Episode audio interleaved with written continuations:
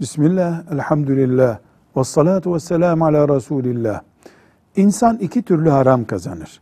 Birisi çalıp gasp ederek ki bu yüzde yüz haram.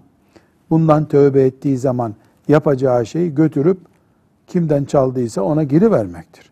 Bunun dışında tövbe etmenin de bir anlamı yok zaten. İkincisi çalışma sisteminde haramlık vardır. Bir bankada çalışmıştır.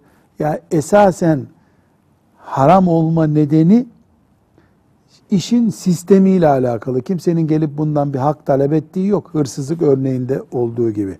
Böyle birisi tövbe ettiği zaman 10 sene çalıştı bankada, ev aldı, geçindi, çocuklarını büyüttü, tövbe etti ne olacak?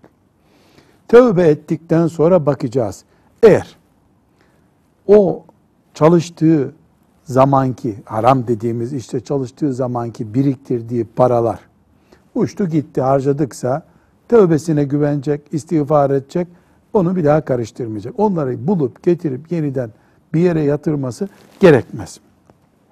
Eğer mesela 5 bin lira elinde kaldı o para bekliyorsa bunu infak etmesi tövbesinin ciddiyetini gösterir. Götürüp bir vakfa vermelidir bunu. Hayır ben onu infak edersem bundan sonraki mesela evimin kirasını ödeyemem veya e, çocuklarım aç kalır gibi bir düşüncesi varsa Allah'ın rahmetine güvenip o parayı hala elinde bulundurabilir. İhtiyaçlı bir durumdayız ama öyle bir parayla da hacca gitmemeli.